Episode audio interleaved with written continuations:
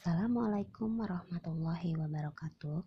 Alhamdulillahirrohmanirrohim Senang sekali saya berkesempatan untuk berbagi sedikit ilmu tentang super produktif muslimah.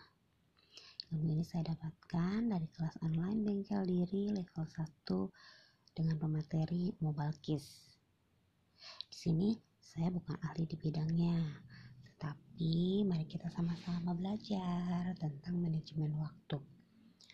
Waktu aksana pedang. Itulah yang dikatakan Imam Syafi'i dalam Al-Jawabul Kafi karya Ibnu Qayyim.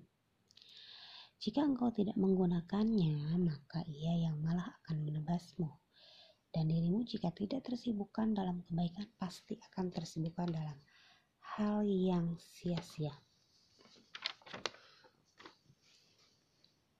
Kalau kita berbicara urgensi waktu, dan keagungan waktu, Masya Allah, Islam sebagai salah satu tuntunan hidup itu amat sangat paham bagaimana pentingnya waktu. Kita bisa lihat frase-frase yang terkait dengan waktu itu banyak sekali dibahas dalam Al-Quranul Karim. Bahkan kita akan temukan firman Allah di mana Allah bersumpah dengan waktu di dalam Al-Quran Salah satu contohnya dalam Quran surat Al-Fajr ayat 1 sampai ayat 2. Ibaratnya waktu itu adalah modal. Kenapa demikian? Begini, yang namanya modal itu diberikan Allah kepada semua makhluknya dengan takaran yang sama yaitu 24 jam dalam sehari. Tidak ada Allah membeda-bedakan si A diberinya 30 jam atau si B diberinya 35 jam. Semuanya sama diberinya 24 jam. Yang membedakannya adalah pemanfaatannya atau bisa disebut manajemen waktunya.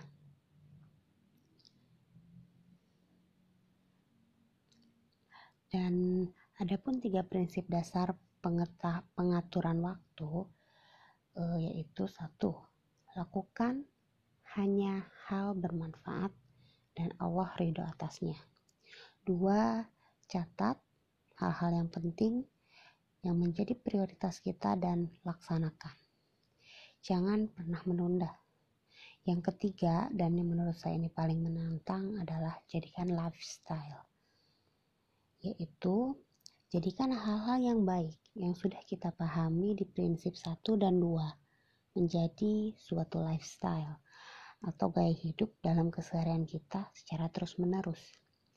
Ini yang paling sulit dan menantang karena bagaimana kita menerapkan konsep yang sudah kita pahami menjadi action nyata dalam kehidupan sehari-hari terus-menerus konsisten atau bisa dibilang istiqomah. Dan yang terakhir dan tidak kalah penting yaitu tentang power nap dan me time.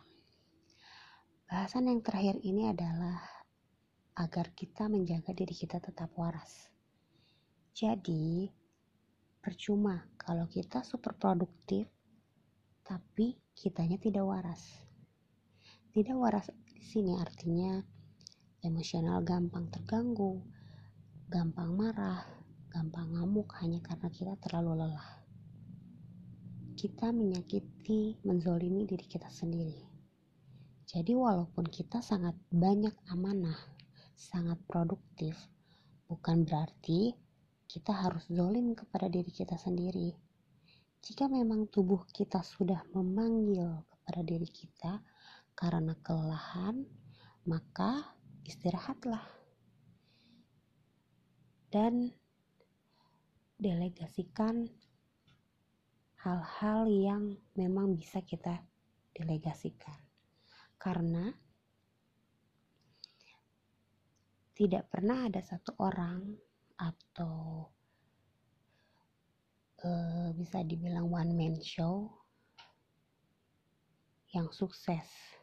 Karena kita tiap individu pasti selalu butuh bantuan orang lain. Sekian sedikit ilmu dari saya, semoga bermanfaat. Wassalamualaikum warahmatullahi wabarakatuh.